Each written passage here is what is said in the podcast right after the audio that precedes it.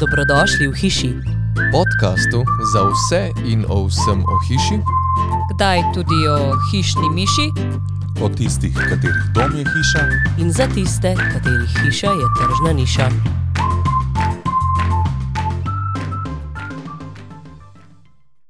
Pa če gremo še pogled v prihodnost, kar se tiče področja graden in sicer napovedi stališča klimatskih sprememb in pa sprememb zakonodaje. Kaj se obeta, kaj lahko pričakujemo? Tukaj bi jaz rekel, da če se res gremo zeleno transformacijo, to seveda ne pomeni samo, da ima vsaka hiša neko toplotno črpalko, pa sčasoma bo imela tudi hranilnik. To je danes v bistvu še redkost, ampak bi jaz rekel, poprečna novogradnja čez pet let bo imela pač hranilnik električne energije po defaultu noter. Ne?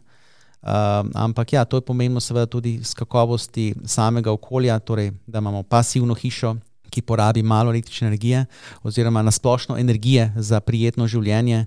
Uh, in tukaj je ključen izziv, seveda, to, kaj lahko država k temu prispeva. Tukaj ima na voljo več inštrumentov, pač to so različne spodbude prek ekoskladov, lahko so to posredne spodbude prek SID banke, Slovenskega podjetniškega sklada ali pa Ribniškega sklada. Tako da tukaj država ima vrsto možnosti in mislim, da jih bo uporabila. Mogoče bi bilo pa ena druga zadeva zanimiva, da jo omenimo. Uh, zdaj smo v okoliščinah, ko, ko država zopet ima regulacijo cen naftnih derivatov.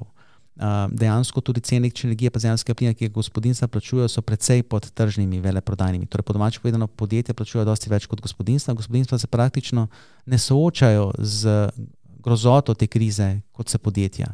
In moj namen tega je predvsem, da vam povem, da je to začasne narave. Torej, ko se bodo veleprodajne cene dejansko znižale in ko bodo te izjemni ukrepi, ki nekako ohranjajo nizke cene pri gospodinstvih, odpravljeni, menim, da bo slej kot prej na nivoju EU-ja, pa tudi na nivoju Slovenije, torej na nivoju Slovenije bo prek evropskih direktiv to moralo biti sprejeto, da se bo zopet penaliziralo uporabo fosilnih goriv uh, za ogrevanje gospodinstva oziroma za njihovo uporabo. To pomeni, po domače povedano, verjetno bodoče okoliščine bodo take, da bodo trošarine na fosilna goriva kvečemu še višja, kot so bila pred nekako samo energetsko krizo, ker bomo le na ta način v bistvu lahko stimulirali obnovljive vere in stimulirali prebivalstvo, da pač prehaja iz fosilnih verov na obnovljive vere, torej da se elektrificira.